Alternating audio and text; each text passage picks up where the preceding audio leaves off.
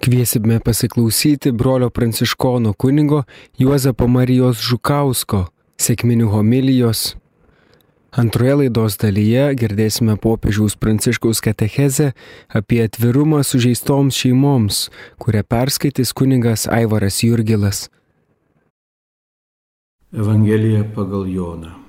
Pirmosios savaitės dienos vakare durims, kur buvo susirinkę mokiniai dėl žydų baimės esant užrakintoms, atėjo Jėzus, atsistojo viduryje ir tarė - ramybė jums. Tai pasakęs jis parodė jiems rankas ir šoną. Mokiniai nudžiugo išvykę viešpatį, o Jėzus vėl tarė - ramybė jums. Kaip mane siuntė tėvas, taip aš juos siunčiu. Tai pasakęs jis kvėpė juos ir tarė Imkite šventąją dvasę. Kam atleisite nuodėmės, tiems jos bus atleistos, o kam sulaikysite, sulaikytos. Girdėjote viešpatį žodį. Taigi prisimenam bažnyčią kaip gimstančią iš šventosios dvasios. Bažnyčia, kuriai Jėzus ištarė ramybę jums. Kaip mane siuntė tėvas, taip ir aš įsiunčiu. Ir šiuose žodžiuose galime atrasti tai, kad tėvas visą Jėzaus misiją įprasmina šventosios dvasios atsintime. Jėzaus gimimas Betlėjoje, gyvenimas ir mokymas Galilėjoje, galiausiai kančia, mirtis ir prisikelimas Jeruzalėje įgauna pilnutinę prasme šventosios dvasios atsintime, nes žmonija gimsta iš naujo. Kaip pradžios knygoje skaitome, Dievui, kuriant žmogų, jis kvepia į jį savo dvasę ir žmogus tampa gyva būtybė, taip Jėzus atsigrėžė į savo mokinius ir vėl juos kvepia savo dvasę ir sako, imkite šventąją dvasę. Ir ta gyvybė ateina ne iš to, kad jie nuo dabar gali daryti nuostabius dalykus.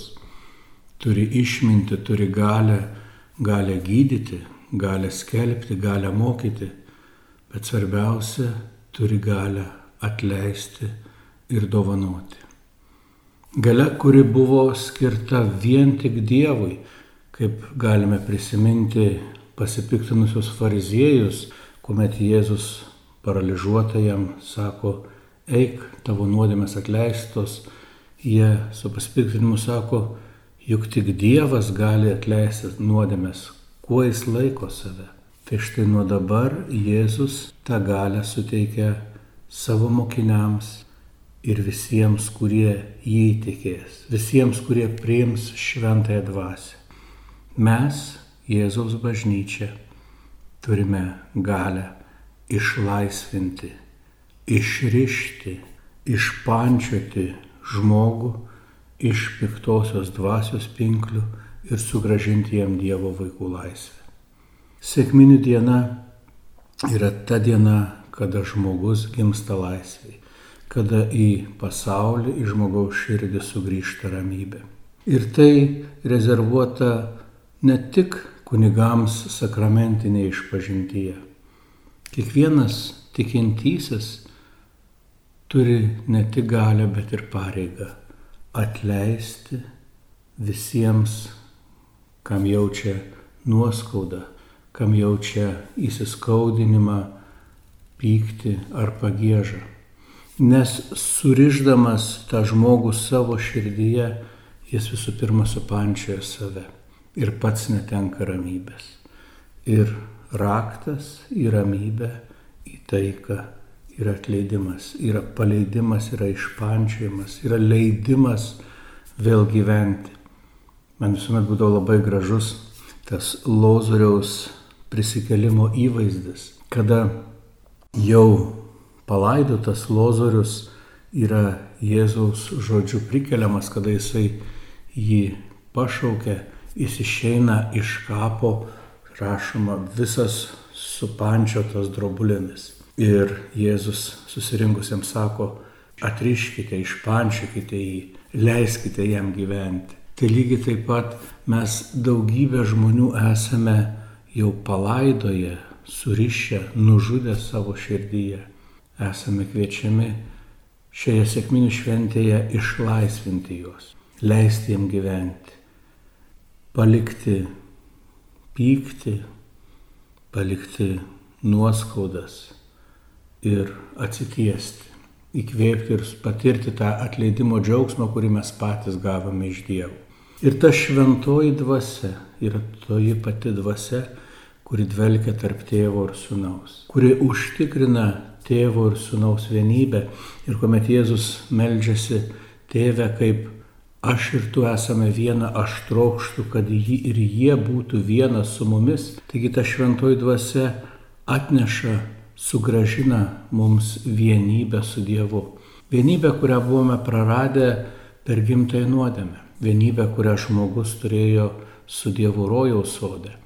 Ir per neklusnumą, per nusigrėžimą jis praranda tą šventosios dvasios dovaną.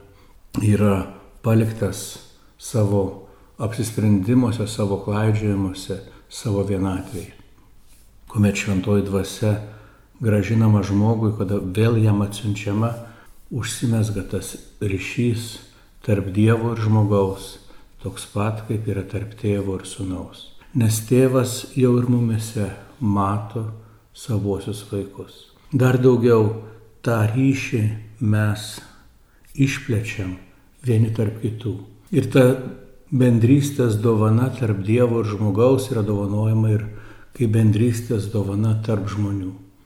Ir taip gimsta bažnyčia, kurioje nešiojame vieni kitų naštas, kurioje džiaugiamės vieni kitų pasiekimais.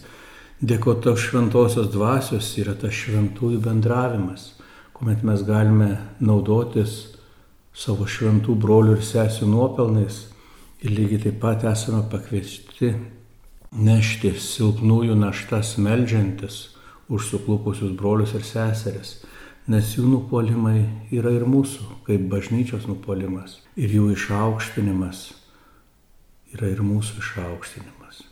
Ta pati šventoji dvasia, į nužengus į mūsų širdis, sugražina vienybę ir mums patiems. Vėl mes tampame pilnutiniai žmonėmis. Vėl mes galime atpažinti savyje tą potencialą, tą jėgą, tą galybę ir garbę, kurią Dievas yra numatęs mums. Šventosios dvasios gale mes galime tapti šventaisiais, ugdydami savyje dvasios dovanas, įveikdami silpnybės ir įdas, darybių dėka mes augame ir panašėjame į mūsų atpirkėją ir brolį Jėzų Kristų. Taigi šventosios dvasios atsiuntimas pradeda naują pasaulį, pradeda naują žmonijos augimo etapą. Ir neišvaistykime tos dovanos, nenuvertinkime jos. Tiek daug yra įvykę per tuos 2000 metų ir jeigu mes nužengtume į laiką atgal, mes pasaulio net nepažintume. Tai, kuo mes šiandien džiaugiamės ir priemame kaip savaime suprantamą dalyką, yra daugybės kartų, daugybės brolių ir sesių pastangų dėka pasiekta. Tas supratimas apie žmogaus orumą, apie lygybę tarp vyrų ir moterų, apie lygybę tarp žmonių, nežiūrint rasės, nežiūrint giminės, kilmės, Visi esame vieno Dievo vaikai. Ir tai po truputį vis labiau ir labiau pildosi ir apima žmonių sąmonę. Ir mes esame pakviesti tęsti tą darbą, mokėdami pasilenkti prie silpnųjų, užjausdami lygotus, slaugydami sužeistus tiek kūnų, tiek dvasia, kad ta ramybė, kurią atnešė Jėzus Kristus, nužengtų ir į brolių sesijų širdis, kad mes patys būtume pripildyti Dievo dvasios ir galėtume džiaugtis gyvenimu, kurį dovanoja Jėzus Kristus.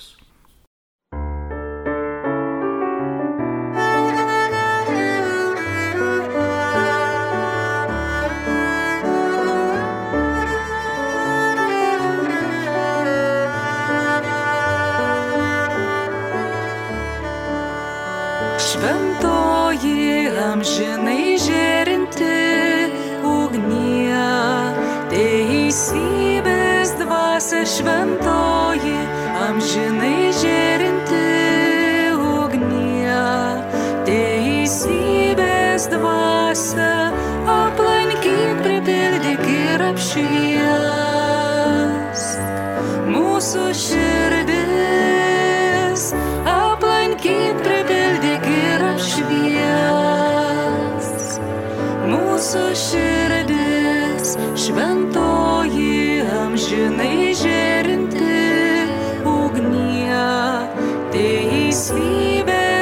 dvasia šventoji amžinai žėrinti ugnie, teisybės dvasia aplankyk, pripildyk ir apšvies mūsų širdis, aplankyk, pripildyk ir apšvies. Mūsų širdis, šventoji, amžinai žėrinti ugnie, teisybės dvasia šventoji, amžinai žėrinti ugnie, teisybės dvasia aplankyk, pripildyk ir apšvies. Mūsų širdis aplankyk, pripildyk ir apšvies. Mūsų širdis aplankyk, pripildyk ir apšvies. Mūsų širdis aplankyk, pripildyk ir apšvies. Mūsų širdis. Atvirumas sužeistom šeimoms. Šioje katechezėje vėl tęsėme mūsų mąstymus apie šeimą. Praėjusį kartą kalbėjome apie šeimas, sužeistas dėl sutuoktinių tarpusavio supratimo stokos. Šiandien norėčiau sutelkti dėmesį į kitą tikrovę. Kaip galime pasirūpinti tai žmonėmis, kurie nepataisomai suirus santokiniam ryšiui sudarė naują sąjungą. Bažnyčia gerai žino, jog tokia situacija yra priešinga krikščioniškajam sakramentui. Tačiau bažnyčios mokytojiškas žvilgsnis visuomet kyla iš jos motiniškos širdies, iš šventosios dvasios gaivinamo širdies, kuri visuomet trokšta žmonių gėrio ir išganimo. Todėl bažnyčia dėl tiesos meilės turi gerai orientuotis ir suprasti padėtį. Taip rašė šventasis Jonas Paulius II apaštališkajame paraginime Familiaris konsorcijo, kaip pavyzdį pateikdamas skirtumą tarp tų, kuriems buvo primestas atsiskirimas ir tų, kurie jį sukėlė. Reikia tai skirti. Kai žvelgime į tuos naujus ryšius mažų vaikų akimis, o vaikai gerai įsižiūri, dar geriau matome skubų poreikį ugdyti mūsų bendruomenėse tikro prieimimo nuostatą žmonių gyvenančių tokiuose situacijose atžvilgių. Todėl svarbu, kad bendruomenės stilius, jos kalba, nuostatos visuomet išreikštų dėmesingumą žmonėms, pradedant nuo vaikų. Būtent jie labiausiai kenčia esant tokiai situacijai. Kaip galime siūlyti tom šeimoms daryti viską auklėjant vaikus krikščioniškajam gyvenimui ir duoti įtikinamo bei praktikuojamo tikėjimo pavyzdį, jeigu juos laikome atokiai nuo bendruomenės gyvenimo, tarsi jie būtų ekskomunikuoti. Reikia elgtis taip, kad neuždėtume papildomų naštų prie tų, kurias vaikai tose situacijose ir taip turi nešti. Deja, tų vaikų ir jaunuolių yra iš tikro daug. Svarbu, kad jie suvoktų, jog bažnyčia yra kaip dėmesinga motina, visuomet pasirengusi išklausyti ir susitikti. Šiais dešimtmečiais bažnyčia iš tikrųjų nebuvo nei nejautri, nei tingi, kadangi šis klausimas buvo ganytojų nuodugniai nagrinėjimas, vadovaujant ir patvirtinant mano pirmtakams, buvo geriau suvokta, kad būtina broliškai ir dėmesingai, su meile ir tiesa priimti tuos pakrikštytuosius, kurie suirus sakramentiniai santokai gyvena naujoje bendro gyvenimo sąjungoje. Šie žmonės jokių būdų nėra ekskomunikuoti. Jie nėra ekskomunikuoti. Nieko gyvų nedėra jų taip traktuoti. Jie ir toliau priklauso bažnyčiai. Popiežius Benediktas XVI kalbėjo šiuo klausimu, ragindamas įdėmiai ištirti ir išmintingai palydėti per sielovadą, žinodamas, kad nėra paprastų receptų. Todėl ganytojai pakartotinai ragino bendruomenės atvirai ir nusekliai rodyti pasirengimą juos priimti ir padrasinti, kad jie išgyventų ir vis labiau stiprintų savo priklausomybę Kristui ir bažnyčiai per maldą, Dievo žodžio klausimą, dalyvavimą liturgijoje, krikščionišką į vaikų ugdymą, artimo meilę ir tarnavimą vargšams angažavimąsi dėl teisingumo ir taikos. Biblinis gerojo ganytojo įvaizdis apibendrina Jėzaus iš tėvo gautąją misiją - už avis atiduoti gyvybę. Ši nuostada yra pavyzdys taip pat bažnyčiai, kuri priima savo vaikus kaip motina, kuri atiduoda už juos savo gyvybę. Bažnyčia pašaukta būti visada atvirais tėvo namais Negali duris būti uždarytos. Jokių durų užvėrimų. Visi kokiu nors būdu gali dalyvauti bažnytinėme gyvenime. Visi gali tapti bendruomenės dalimi. Bažnyčia yra tėvo namai, kur yra vietos kiekvienam su jo varganų gyvenimu. Panašiai ir visi krikščionys šaukiami sekti gerąjį ganytoją. Pirmiausia, krikščionių šeimos gali su juo bendradarbiauti besirūpindamos sužeistomis šeimomis, draugė su jomis eidamos bendruomenės tikėjimo keliu. Tegul kiekvienas daro tai, kas nuo jo priklauso, priimdamas gerojo ganytojo nuostatą. Jis pažįsta kiekvieną savo avį ir ne vienos jų neatskiria nuo savo begalinės meilės. Girdėjome brolio pranciškono kunigo Juozapo Marijos Žukausko sėkminių homiliją ir taip pat popiežiaus pranciškaus katechezę apie atvirumą sužeistoms šeimoms. Katechezę perskaitė kuningas Aivaras Jurgilas.